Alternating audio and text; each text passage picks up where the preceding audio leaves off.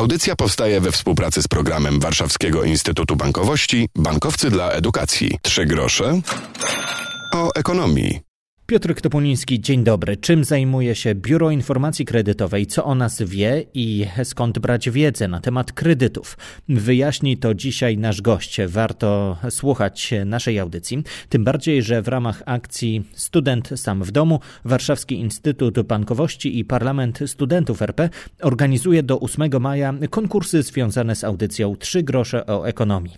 Jak dobrze wiecie, podcasty naszych rozmów pojawiają się m.in. na Spotify iTunesie czy w podcastach Google'a.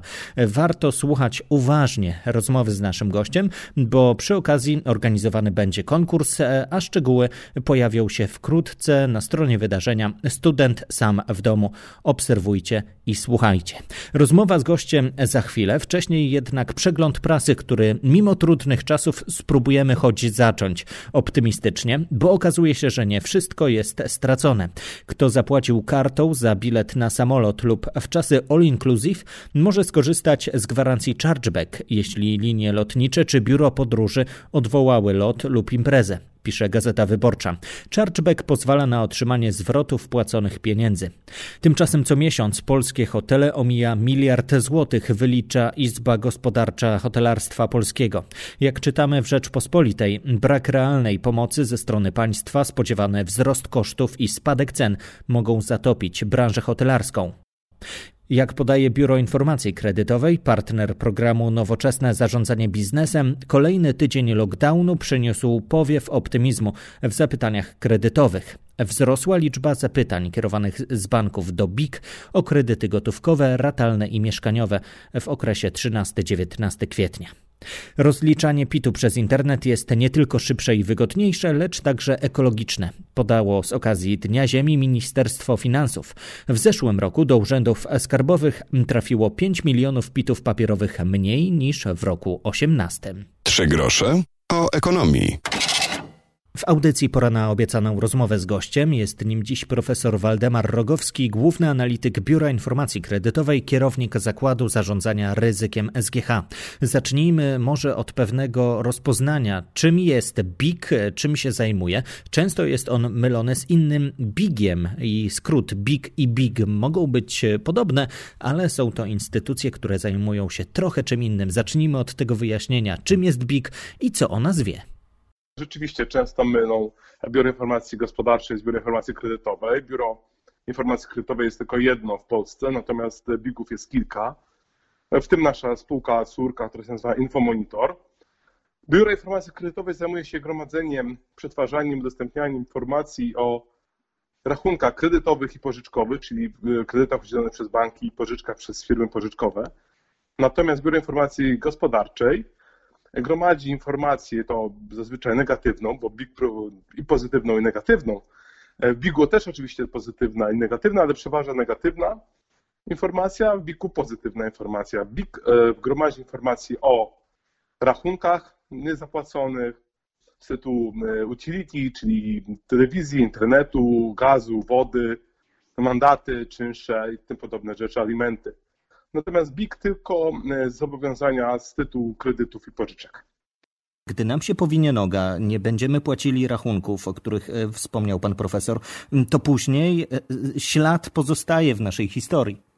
Jeżeli chodzi o rachunki, to do BIG-u, ale oczywiście banki przy procesie kredytu zadają pytanie zarówno o historię kredytową, czyli o wiarygodność kredytową, jak i wiarygodność płatniczą i wtedy za naszym pośrednictwem odpytują do Biura Informacji Gospodarczej Infomonitor właśnie w, w zakresie tych rachunków, o których Pan wspomniał.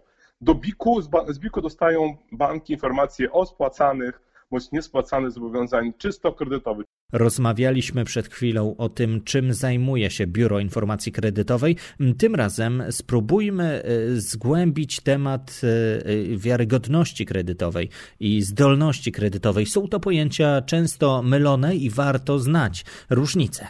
Zdolność kredytowa, jak sama nazwa mówi, jest to zdolność do spłaty, to ważne, że w terminie, rat odsetkowych i kapitałowych zaciągniętych kredytów i pożyczek. Natomiast wiarygodność e, kredytowa dotyczy naszej historii kredytowej, e, czyli e, tego, co już spłacaliśmy w przeszłości.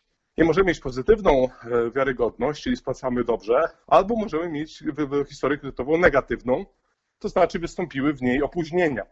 I te opóźnienia mogą mieć charakter krótkoterminowy, to znaczy 30-dniowy, ale mogą mieć już charakter taki długi, 90-dniowy i my wtedy nazywamy to defaultami.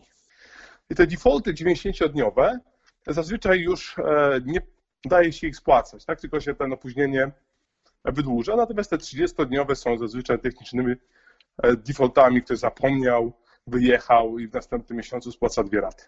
Na zdolność kredytową też wpływ mają to, ile zarabiamy, jaka jest to nasza forma zatrudnienia. Na zdolność kredytową kilka rzeczy e, wpływa. Po pierwsze, oczywiście, zarobki, tak? czyli dochody, można powiedzieć, gospodarstwa domowego. Po drugie, to jakie mamy koszty stałe utrzymania, czynsz, e, opłaty za media, plus ile osób jest w gospodarstwie domowym. I trzecia rzecz e, to jest to, ile dzisiaj już musimy spłacać z wcześniej zaciągniętych kredytów czy pożyczek. Tutaj mamy taki wskaźnik, który się nazywa DTI, czy Debt to Income, który w liczniku pokazuje nam, ile dzisiaj mam miesięcznych rat do spłaty, w tym karty kredytowe, limity, a w mianowniku mamy income, czyli dochody gospodarstwa domowego. Pan poruszył natomiast jeszcze jedną ważną rzecz, ale ona dotyczy bardziej oceny e, scoringowej, ale nie biura informacji kredytowej, tylko scoringu e, takiego aplikacyjnego stosowanego przez banki, który pozwala ocenić ryzyko kredytowe w oparciu o cechy socjodemograficzne, czyli właśnie płeć, wiek, zawód, miejsce zamieszkania, ale to jest wtedy e, ocena scoringowa, czyli właśnie też wiarygodności, ale nie w oparciu o zachowania te e, behawiorystyczne, które ma ktoś, kto posiada kredyt, spłaca albo nie spłaca, tylko to jest już analiza czysto statystyczna, jak się zachowuje taka populacja o takich cechach. Jak pan profesor patrzy na młodych ludzi w kwestiach związanych z mm, pożyczkami, z bankowością? Bo wydaje mi się, że wiedzy ekonomicznej Polakom brakuje. Oni chcą się uczyć, nie zawsze tę wiedzę mają. No, a tutaj młodzi już wchodzą w życie z poważnymi problemami, jak gdzie zamieszkać, z kim zamieszkać, e, za co zamieszkać, czy, czy wziąć kredyt. To czasami pomagają rodzice. No i tutaj chyba brakuje mm, dalej pewnej takiej podstawowej wiedzy. Znaczy, trudno mi jest e, być jednoznacznym i obiektywnym, bo ja mam do czynienia akurat z, ze studentami elitarnej uczelni ekonomicznej, najlepszej w Polsce, więc oni mają ten background ekonomiczny bardzo i finansowy bardzo duży, więc ja w takich swoich normalnych kontaktach ze studentami nie odczuwam takiej, można powiedzieć, e, dyfuzji e, tej wiedzy, prawda, czyli braku tej odpowiedniej podstawowej wiedzy. Ale jak rzeczywiście moi znajomi, moich dzieci, znajomi, którzy studiują na innych uczelniach, to rzeczywiście w ich rozmowach widzę taką niedostatek wiedzy, to zarówno w aspekcie kredytowym, inwestycyjnym, oszczędnościowym, ubezpieczeniowym, czy ogólnie mówiąc wszystkie aspekty, które są związane z życiem finansowym.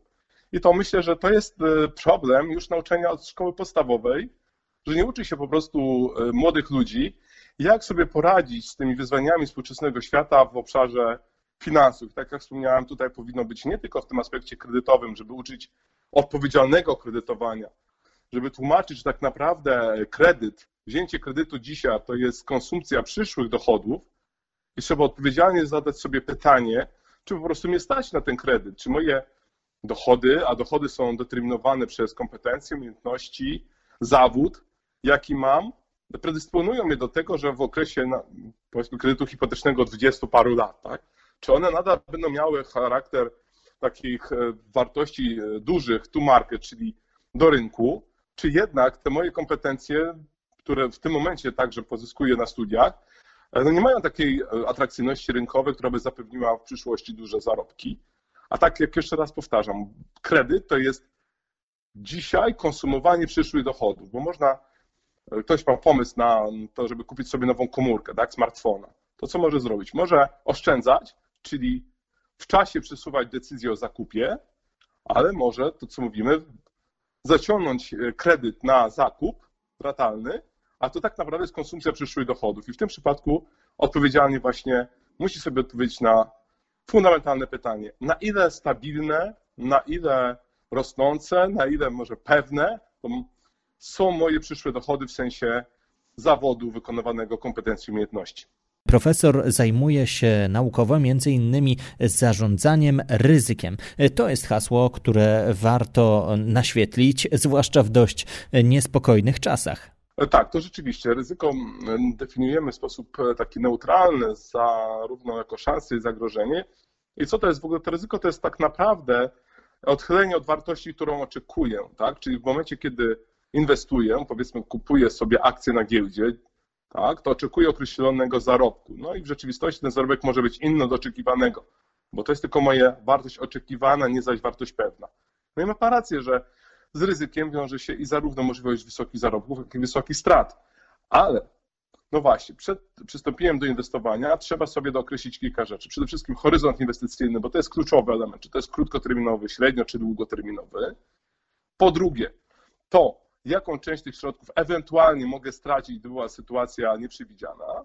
I po trzecie, w ogóle, jaki mam skłonność do ryzyka, tak zwany profil ryzyka.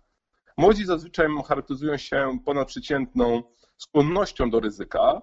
Mamy także przeciwieństwo, to jest awersyjność, czyli niechęć do podejmowania jakiegokolwiek e, ryzyka, no i neutralność. Młodzi zazwyczaj, szczególnie młodzi bez zobowiązań, czyli single, mają taki, można powiedzieć, hazard, tak? Często też moralny, czyli jeszcze coś bardziej e, w kierunku no, ekstremalnego ryzyka niż standardowe takie no, chęć podejmowania ryzyka, czyli hazard taki moralny. I to z tym trzeba niestety walczyć, ale mówię, najważniejsza rzecz to horyzont czasowo określić, kwotę i systematyczność oszczędzania. Tutaj matematyka się kłania, czyli e, teoria procentu składanego i wiemy, że kiedy co miesiąc składam, to mogę kupić i na górce, i na dołku, bo mi się ta średnia cena spłaszcza. Czyli nie ma takiego mądrego na świecie, który by zawsze kupował na dołkach, a sprzedawał na górce. Co możemy jedynie zrobić? Ano, przez systematyczność łapiemy zarówno górki, jak i dołki, w związku z tym ta nasza inwestycja w długim horyzoncie e, opłaca się, bo nam się uśrednia kwota zakupu. Czyli edukacja to najważniejsze pojęcie, do którego powinniśmy wracać i do którego zachęca profesor Waldemar Rogowski. Dziękuję za tę rozmowę i za wyjaśnienia. To ja jeszcze chwilkę, można jeszcze, to ja tylko trochę prywaty e, zawsze zachęcam do kontaktu z moją kochaną Alma Mater, czy SGH. Mamy wiele różnych ciekawych kursów dla studentów, webinarów. Proszę się interesować. Tutaj jest naprawdę edukacja na najwyższym poziomie, jeżeli chodzi o aspekty ekonomiczno-finansowe. Także jeszcze raz bardzo dziękuję za wywiad i polecam się na przyszłość. Do usłyszenia, do zobaczenia. W lepszych czasach. I gratuluję przy okazji wyboru nowego rektora. Wam się to udało zrobić przez internet, niekorespondencyjnie, bez problemów i bez większego szumu wokół. No tak, rzeczywiście e, muszę panu powiedzieć, że w jakiś sposób byłem bardzo zaangażowany, bo byłem przewodniczącym kolegium elektorów, czyli praktycznie ja podpisywałem protokół, ja czuwałem nad całym przebiegiem tych wyborów, także mam też taką osobistą satysfakcję że proces się udało. Przede wszystkim mam ogromną satysfakcję, że rektorem został e, pan profesor Wachowiak, którego osobiście przez wiele lat miałem współpracę z nim, znamy się, można powiedzieć, przyjaźnimy się. I to jest właściwy człowiek na właściwym miejscu na tak trudne czasy, które przed nami, nie tylko w gospodarce, ale myślę, że w oświacie, szczególnie w szkołach wyższych. Także jeszcze raz dziękuję za życzenia i do usłyszenia, do zobaczenia.